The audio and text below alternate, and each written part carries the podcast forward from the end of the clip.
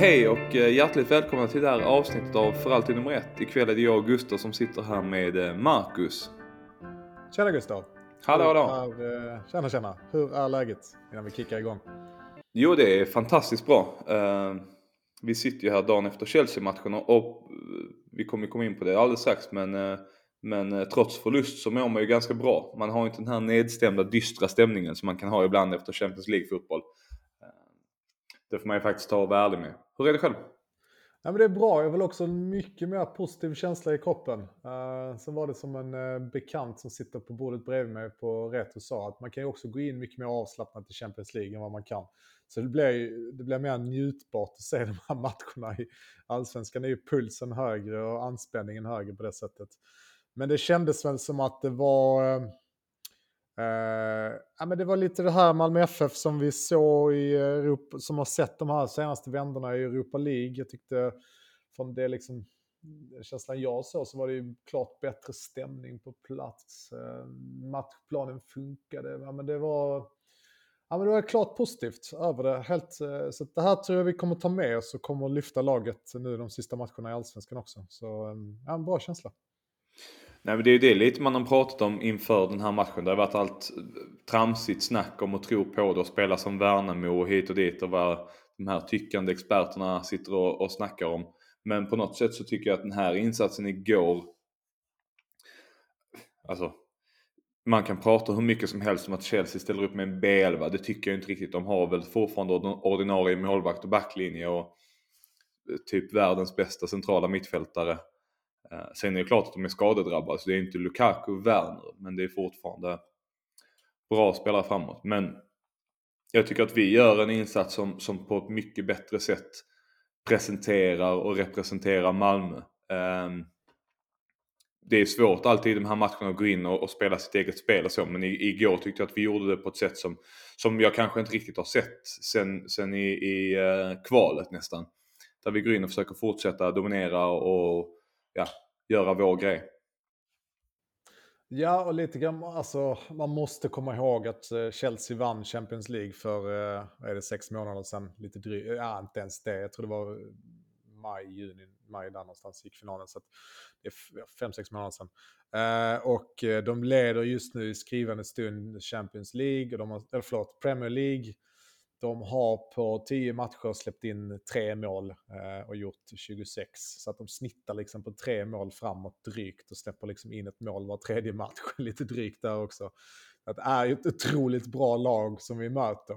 Ehm, men det kändes ändå som att ehm, eh, klart bättre. Eh, på det, alltså, kan vi göra sådana här matcher i Europa så är jag stolt över MFF. Jag, jag förväntar mig inte att vi ska rubba Chelsea på något sätt oavsett om de inte har det sitt absolut starkaste lag. För att det, det, är så stor skillnad. Men just de här matcherna kanske...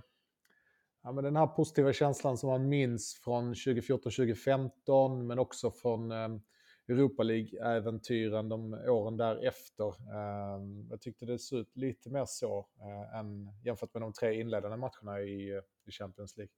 Så att, eh, ja, men, ja, riktigt gött faktiskt. Eh, bra känsla där. Nu kan man ju vara en, en tråkmåns eh, och, och liksom dra upp statistik och prata om bollinnehav och avslut och hela den biten. Men jag tycker ändå någonstans att vi ska grunda det här avsnittet i känslan och inte titta så mycket på att de dominerade bollinnehavet. För det är inte särskilt förvånande. Däremot det, alltså mycket av det jag tar med mig är, är ju egentligen hur, hur nära vi, vi var från ståplatsvinkeln, det kanske inte är den bästa, eh, på att faktiskt ta ledningen i den här matchen. Och hur vi gjorde det. Visst, det är inte något blixtrande spel och liksom samma spel som man kan se i, i allsvenskan ibland. Men Penjas boll till Colak som sen går precis utanför stolpen i slutet av första halvlek. Bara precis, den lilla... Precis utanför en liten, liten stretch. Eh, nu står du långt ifrån, för det var väl på andra sidan. Men eh, ja, nej, det var, det var snyggt. Jag minns situationen också väl. Ja. Fortsätt, sorry.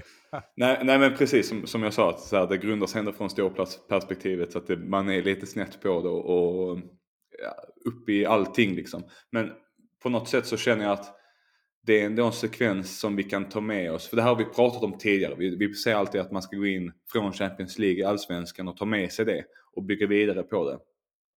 Men här har vi faktiskt någonting, för här har vi ändå några sekvenser där vi, där vi hotar Chelsea. Det är kanske inte enormt nära och det är kanske inte enormt mycket på, baserat på eget spel. Men vi har ett, ett bra skottläge, vi har en, en duell mellan Chelseas vänsterback Marcos Alonso och Joing Berget som pågår fram till Berget byts ut i, vad är det, 60 någonting, 70 typ. Eh, 86 såg jag nu till och med. Som, som Berget vinner liksom gång på gång på gång på gång. Äh, återigen, baserar detta på känslan. Jag har inte kollat på statistik på vunna dueller.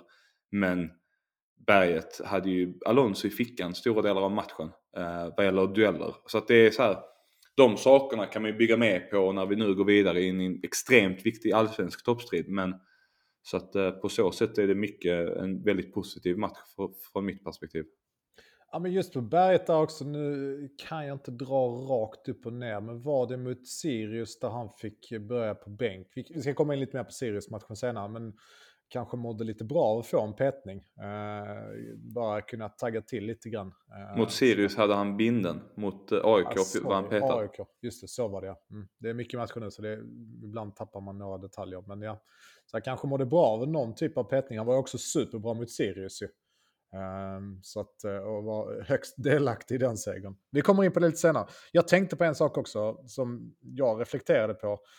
Alltså det går ju klart långsammare här jämfört i London. Och eh, ja visst, de får, inte, de får inte två straffar med sig. Samtidigt som de två straffarna kommer ju av att de är snabbare. De är en halv sekund före oss hela tiden och sätter oss i situationer där vi tyvärr inte hänger med. Och då yttrar det sig i straffar. Antingen är det något friläge där de rinner igenom och vi måste stoppa den. Men de situationerna var ju inte igår. Det var till och med så att Chelsea var ju tvingade att vara mycket mer eh, noggranna i speluppbyggnadsfasen utan att jag är en expert på att analysera taktik. Men det var mycket mer bollande fram och tillbaka av Chelsea för att de hittade inte de där luckorna. Det kändes som att vi stängde till det bra samtidigt som vi vågade tro på det eh, lite fler eh, gånger framåt kanske. Det var bara min känsla där. Liksom. Och nu frångår jag min, eh, min tidigare paroll här i avsnittet och inte pratar så mycket statistik och så. För jag ska bara ta ett snabbt inflikande på det. Ehm, det var Jonas Hansson som skrev just statistiskt om hur MFF tog sig an matchen och då var det väl att Nanasi hade i speluppbyggnadsfasen, eller i Chelseas speluppbyggnad, så hade han tagit en sån roll som mer eller mindre har stängt ute Jorginho från matchen. Ehm, och, och det var väl eh, om jag minns rätt här, så var detta matchen Jorginho haft läg, eller färst, färst antal passningar bortsett Liverpool och Manchester City i år. Eh, så att det är verkligen en sån väldigt viktig punkt att ta med sig att även om, även om Chelsea är ett bättre lag så kan vi taktiskt liksom hitta detaljer där vi kan i viss mån neutralisera ja, utan att sticka ut hakan allt för mycket, deras bästa spelare på ett ganska enkelt sätt med, med liksom egenfostrad från 15-16 års ålder, junior mer eller mindre. Um, du är inne det... på någonting som, eh, alltså du, du ser inte halvtidssnacket när du är på plats, eh, men just det där lyftes. Eh, jag tror att det var halvtid, kan ha varit eftersnacket också, men just det där lyftes av studien. Att hur hur väl Nanasi gör det jobbet, att det var supertydligt att han skulle komma in och ligga nära och skära av Jorginho hela tiden. Man ser till och med någon sekvens där Jorginho liksom bara så slänger ut händerna som att, men passa inte mig, det är ingen idé, jag har ju en gubbe på mig hela tiden liksom. Så styr av honom tydligt. Um, och det var ändå kul att se och kanske var det, menar vi har ju hyllat, eller jag har åtminstone tyckt att JDT har haft bra matchplaner, åtminstone i kvalet. Men kanske inte slått så väl ut i de första tre omgångarna. Men nu hade vi faktiskt en matchplan som, eh, som satt. Sen kan det bero på massa olika små detaljer. Kanske vi är i bättre form nu, kanske rätt spelare, kanske... Ja, vi hade en bra dag liksom. Men på något sätt så här, här stämde det bättre. Och då kan vi ju vara med och konkurrera. Sen går det ju jäkligt snabbt när de gör sitt mål. Eh, jag vet att Johan Dahlin skyller på att han liksom halkar till det. Samtidigt Alltså passningen är millimeter precision. Eh, och precis in där och det är jäkligt snyggt mål. Det får man ge dem den. Eh, att slå om sådär snabbt, det, eh, där är inte vi liksom. Vi hänger inte riktigt med där. Det räcker med att Lasse tappar, fipplar lite grann och så sitter bollen i kassen fem sekunder senare. Det är helt otroligt hur snabbt det går. Ja, det, det måste man ju vara ärlig med och säga. att Det är ju ett... När, när de väl växlar igång och när de väl kör på och... Jag vill inte säga tar i, men ibland känns det som att de... När de liksom verkligen engagerar sig tusenprocentigt så går det i ett otroligt tempo. Det, det går, är mycket hårdare och hela biten. Så att, och på det sättet så, så är det ju, det ska man ju ta med sig att visst Chelsea gör kanske inte sin tusenprocentiga match. Eh, men vi hänger med. Det är ju en sekvens där de verkligen rinner igenom, eller två. Eh, den på slutet också i 93 0-0 mer eller mindre på pricken är ju ja, där stod man ju bara och suckade och kände att nej men snälla låt det bara bli 1-0. Och som tur är så, så var det kanske inte världens bästa avslutare utan det var ju eh, det var ju ett ganska tamt avslut. Så att den, den, den, missade chansen försvinner väl ganska snabbt om man ska referera den här matchen egentligen. Eh, jag vill bara säga det som vi var inne på, Nanasi och lyfte upp honom och det är jävligt imponerande när man ser spelare som går den vägen. För han beter sig nästan på samma sätt som han gjorde mot Sirius. Eh, som sagt, mycket svårare motstånd. Men han går in på ett ganska obrytt sätt nästan. Eh, han skiter lite i vem det är och, och kör sin, sin grej ändå. Så får det bära eller brista och det är klart att det är lättare att dra eh, Josef Colli än, än Thiago Silva kanske. Men eh, fortfarande en väldigt, väldigt imponerande insats. Jag är också väldigt imponerad av Peña. Eh, jag, ja, jag, jag häcklade en viss tidning häromdagen, eller igår också, som gav honom en trea i betyg. Det är helt ofattbart tycker jag. Um, alltså det, det drivet han har defensivt och de passningarna han drar offensivt, det är liksom, vi har sällan skådat det. Uh, om det är en trea så vet jag liksom inte vad man ska göra för en femma. Och slutligen så vill jag hylla uh, domaren.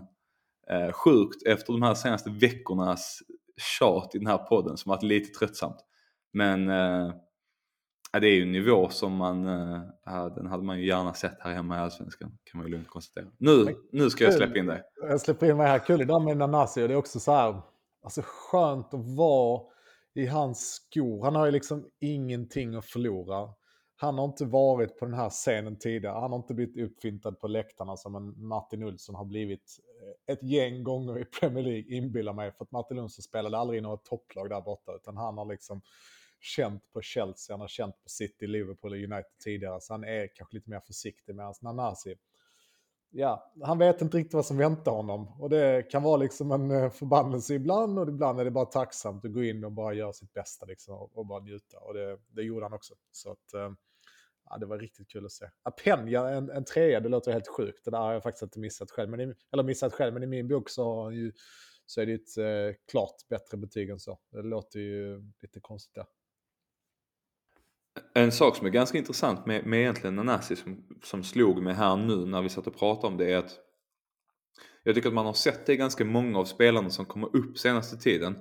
Eh, och det är inte bara Nanasi eh, då, utan det är ju, vi pratar ju Nalic och, och, och Anel och eh, ja men även Sarre ett tag liksom. Det är att de kommer in, som du säger, de skiter i det.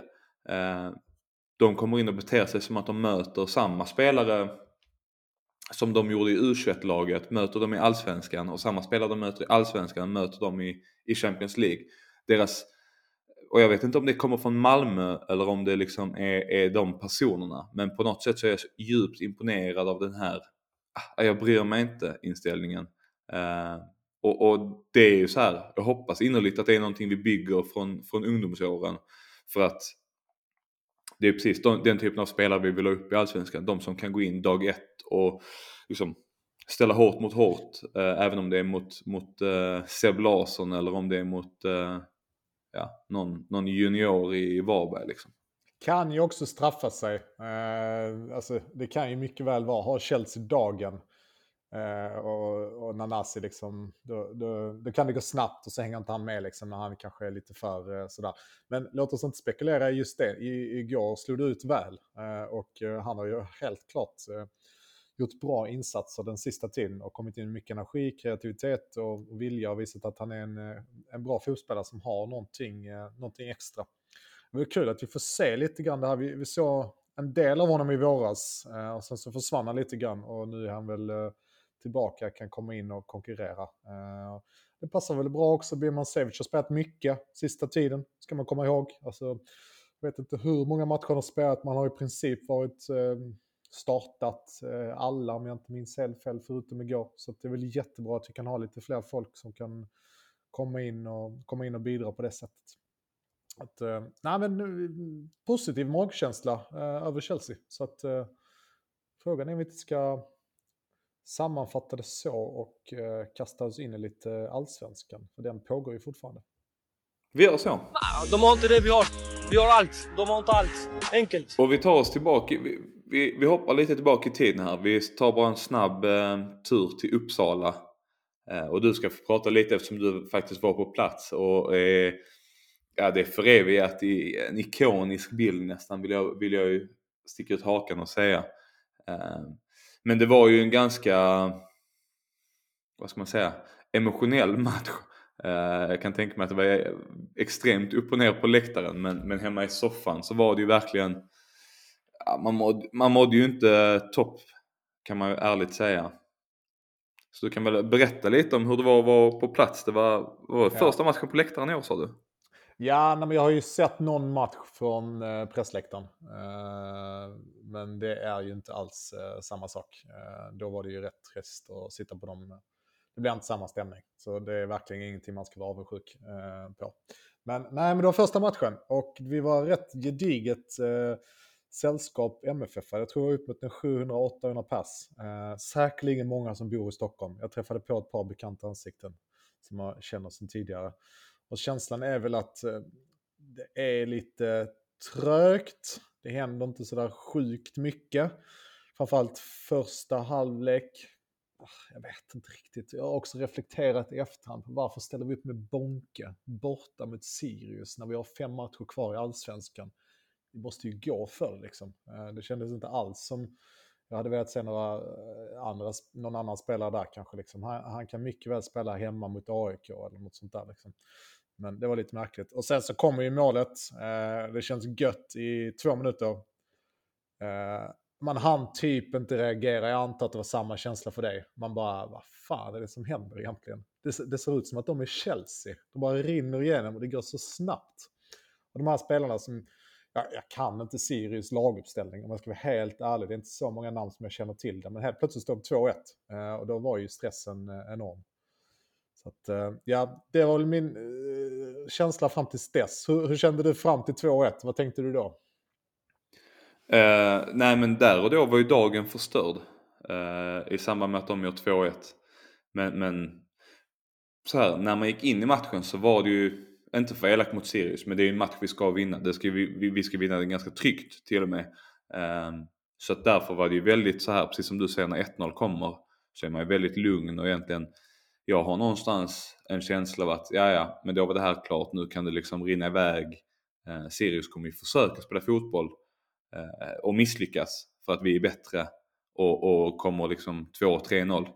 Men, men eh, som du säger, det är liksom fyra minuter mellan att vi gör 1-0 att de leder med 2-1. Och det är ju inga, det är inga dåliga mål de gör liksom. Det är det som är provocerande också i, i det hela på något sätt. att det är, det är bra spelmål eh, där vi går bort oss och vi blottar oss på ett sätt som jag inte tycker att vi ska. Eh, och det är lite det jag, som är mina två stora klor i den här matchen eller vad man ska säga. Jag tycker att Moisander eh, men ärligt, jag är rätt besviken på den insatsen.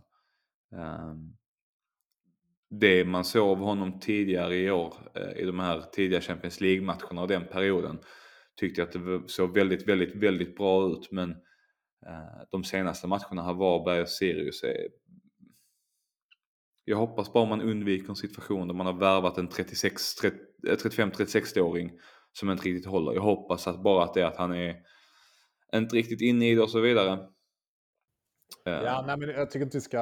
Han har ju visat... Han har ju varit i bra form och det är klart att alla spelare går väl upp och ner. Och sen var det konstgräs också, det ska vi komma ihåg. Även om Varberg är på gräs så är Sirius på skånska. Så det är kanske så att han inte är van vid det. Liksom. det de äldre brukar alltid klaga över det. Ehm, så jag tror fortfarande att han kan hålla nästa säsong också. Eh, sen kanske han behöver gå in på en mittbacksposition ännu tydligare. Ehm, men ja.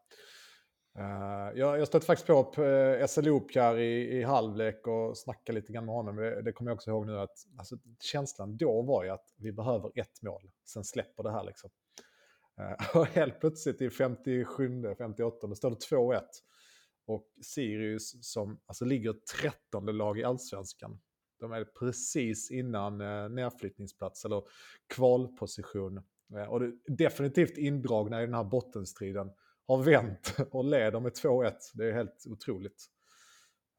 Um, sen kommer det några byten och um, där tycker jag vi förändrar matchbilden um, ganska rejält. Alltså direkt när de bytena görs, jag tror att det sker där i runt 60 minuten, Colak, Rakip och Nanasi.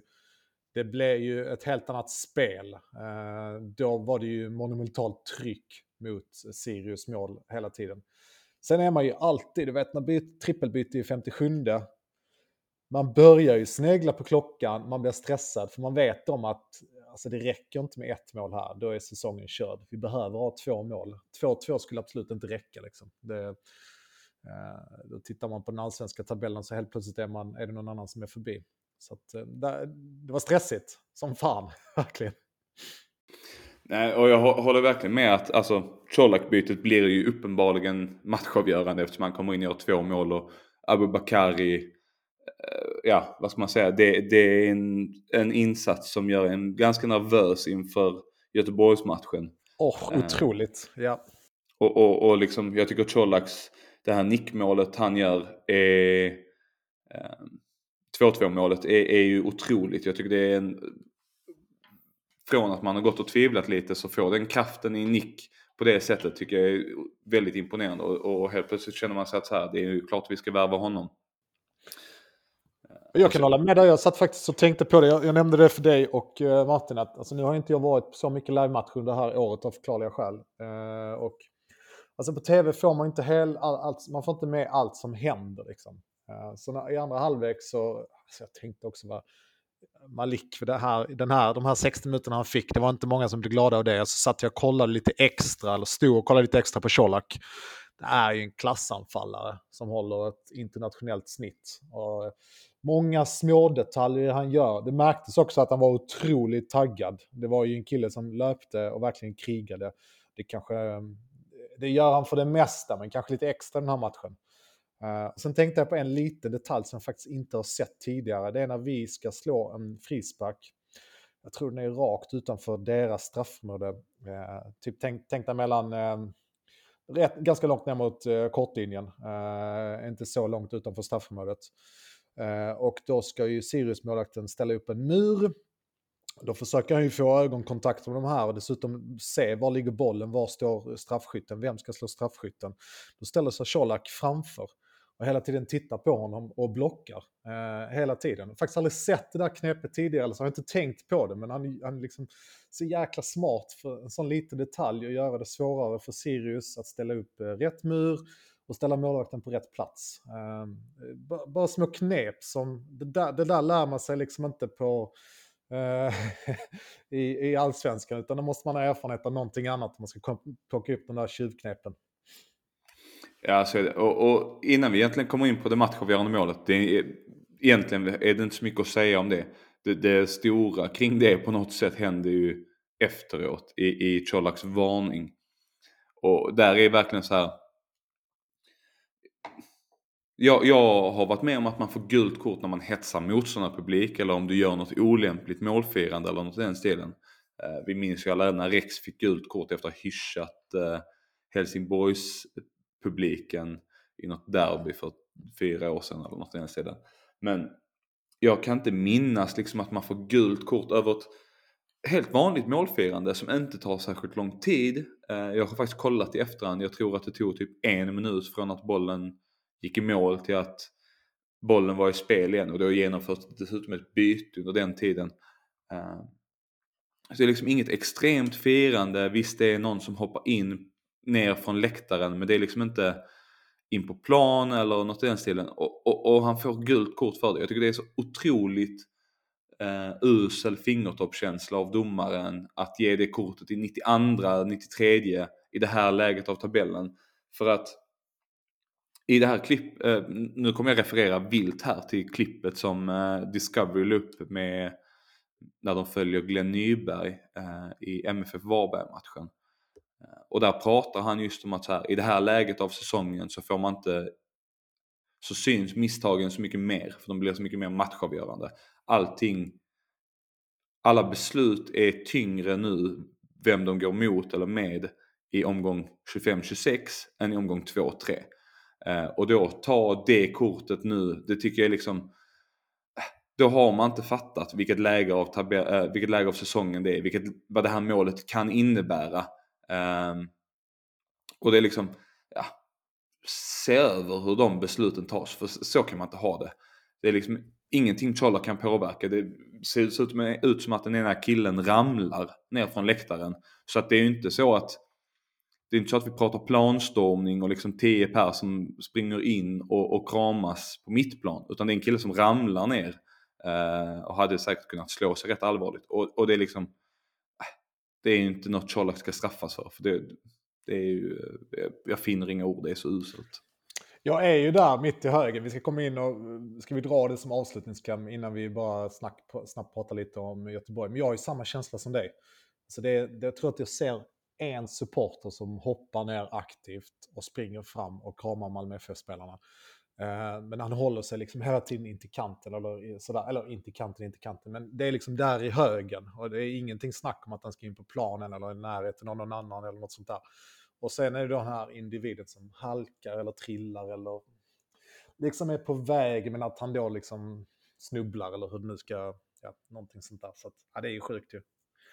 Det är också så här i 93 minuten, eh, jag var faktiskt där med min tjej och såg matchen. Eh, hon är ju från Stockholm, men jag har skrivit in henne i Malmö FF. Det här var hennes första match på fyra år. Ehm, hon kan ju inte så jättemycket om fotboll, men hon hängde med. Eh, och vi är på väg att eh, gå. Det är alltså 90, 93. Det står 2-2. Jag har ju varit ganska deppig de sista 30 minuterna. Jag tänker bara, vi, vi hade ett tåg och passade. Det var gött om vi hinner med det första tåget hem från Uppsala. Uh, låt oss ställa oss nära gången. Och eh, ja, men då kommer ju målet. Och det blir en helt sjuk eh, liksom, glädje, och eufori och adrenalin. Alla känslor bara kommer på en och samma gång. Fram till kanten, Tjolla kommer rusande. Hela laget känns som att man kommer rusande och man bara står där i en, en magisk kram. Hela, hela ståplats bara kastar sig neråt. Min tjej får bara hålla sig fast. Hon är knappt med på noterna, men hon lyckas hålla sig, hålla sig vid liv åtminstone utan att skada sig. Eh, och sen tar man då den magiska bilden som ligger på Aftonbladet och Sydsvenskan och eh, så även Malmö FFs Instagram. Så vet man hur jag ser ut så kan man spotta mig där. Eh, men känslan var ju bara, fy fan vad gött. Och också jäkligt fint på något sätt att, eh, alltså att Malmö firade med lag, eller med supportrarna. Det var ändå så pass många tillresta och det är inte givet att folk åker upp till Uppsala och ser på en fotbollsmatch. Liksom. Det är ganska långt för de flesta malmöiter att ta sig, vi som inte bor här uppe. Så att, eh, ja, jag, jag, tyckte det var fint och att alla kom springande. Det var, jag såg Nanasi och såg Rakippa. Det var en hel gäng med spelare som stod där och kramades med oss. Uh, och det säger någonting hur viktiga vi är och hur viktig dessutom segern var, såklart också. Ja, verkligen. Och innan vi tar oss in på Göteborg, jag måste, jag måste säga det här som jag skrev i vår eh, gruppchatt efter matchen, som, som egentligen gör hela resultatet och matchen och känslan kring det så himla konstig på, i efterhand. För att jag satt och tänkte lite på det och, och här, vi har ju sådana otroliga lägen att avgöra det här långt innan matchminut 93. Vi har ju Birmancevic skott i första halvlek som är, ja men lyfter han den 40 centimeter ovanför marken så är det mål.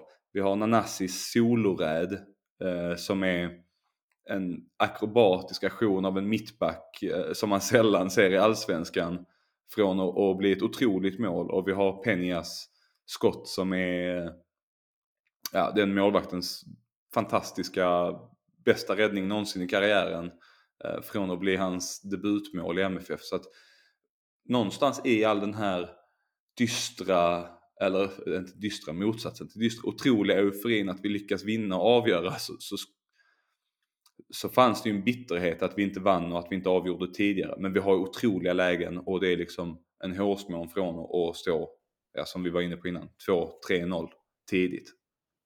Ja, jag, men jag tycker att vi kan ta med oss eh, alltså de sista 30 minuterna från den matchen. Då är det ju i princip spel mot ett mål. Eh, då anföll Malmö FF dessutom mot oss, så att säga, alltså deras egna supportrar.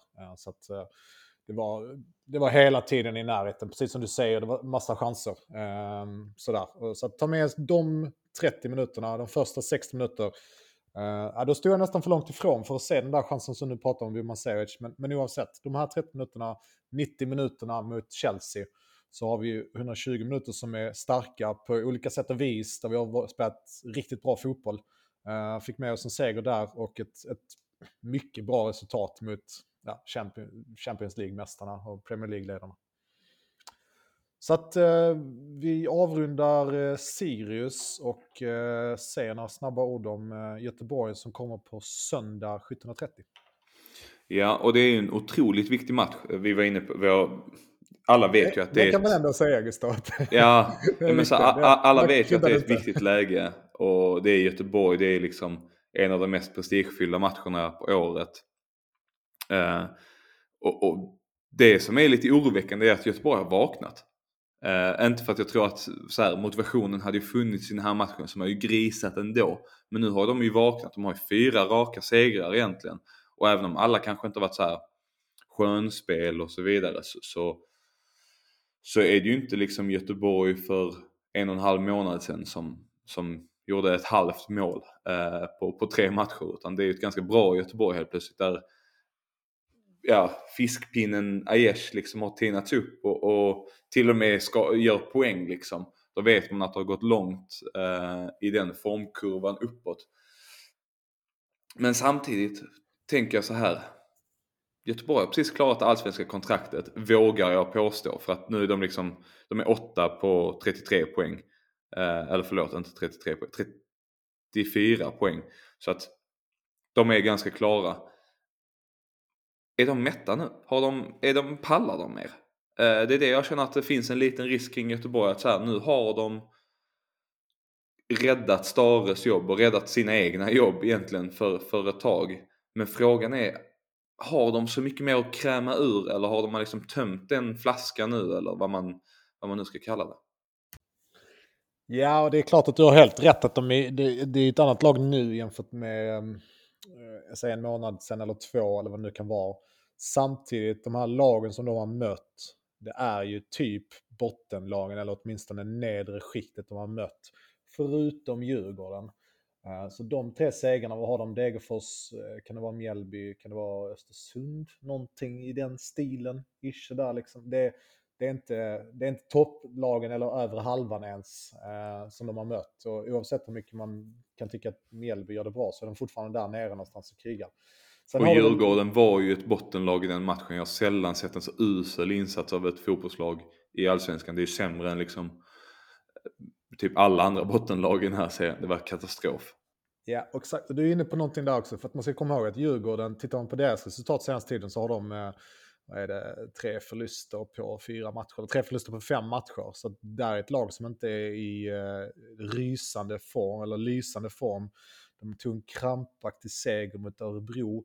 Dessutom ett konstgräslag som åker eh, till en, en eh, naturgräsplan, liksom en gräsplan. Eh, och en ganska tung sådan också i slutet av oktober. Så att bara för att de tryckte till Djurgården med, med 3-1 som ligger två i tabellen så betyder inte det att det liksom så starka ska de inte vara. Så att en, en gedigen och bra insats i stil med de senaste 120 minuterna vi har spelat, det ska räcka. Sen oroar det att eh, Colak är avstängd. Eh, många andra spelare kan vi ersätta för vi har en bred trupp. Men där har vi en spelare vi inte kan ersätta lika tydligt. För att alternativet med Malik är inte alls lika starkt. Nej, och det är det som är risken där att en, en del av mig vill säga att det är klart vi ska spela Abubakar i den här matchen för att det är vår, på pappret, andra anfallare. Eh, men samtidigt så känner jag att... Och ett insteg här alltså. Grejen är att det eh, är en så jäkla stor risk att vi sänker killen om vi inte startar honom. Eh, och han är ganska ung. Jag tror att han är född eh, 2000, så säg att han är 21. Eh, och det kan alltså knäcka en spelare eh, som då är, den uttalat enda anfallaren vi har i truppen då, förutom Adinalic eventuellt, men inte alls samma tydliga. Så det är en viktig aspekt på det också. Vill vi ha honom i frysboxen därefter eller vill vi, ja, svårt för JDT. Förlåt, kör Gustav. Nej men och det var egentligen det jag skulle säga att jag vill ju på något sätt att han ska starta men jag tyckte han var så kall mot Sirius.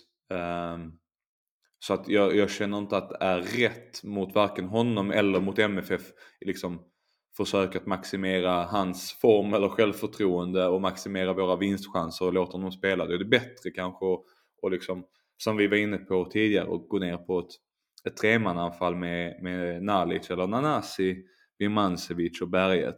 För där har du en rörlighet och en explosivitet. Kanske inte samma liksom, vad ska man säga, solklara anfallare eh, som man får med Abubakari. Men spelare som kanske ja, men är lite tryggare, är lite mer säkra i sig själv på planen och så vidare. Och jag tr tror att det är så vi kommer ställa upp också. Eh, jag tror inte vi tar chansen med Abubakari i den här matchen.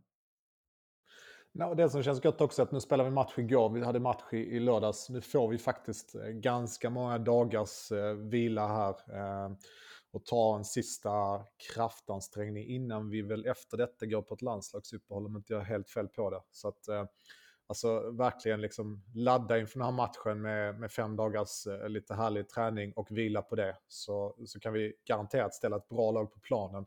Så blir det intressant att se hur vi formerar de offensiva spelarna om vi Eh, om vi skickar in Malik eller om vi gör någonting annat eh, där. Men det är klart, Colak är väl den spelaren som vi inte kan ersätta lika tydligt jämfört med andra och det är ju ett, ett litet avbräck. Och innan vi avslutar detta så, så eh, den kanske mest glädjande och taggande nyheten inför den här matchen är att det är slutsålt på borta sektionerna.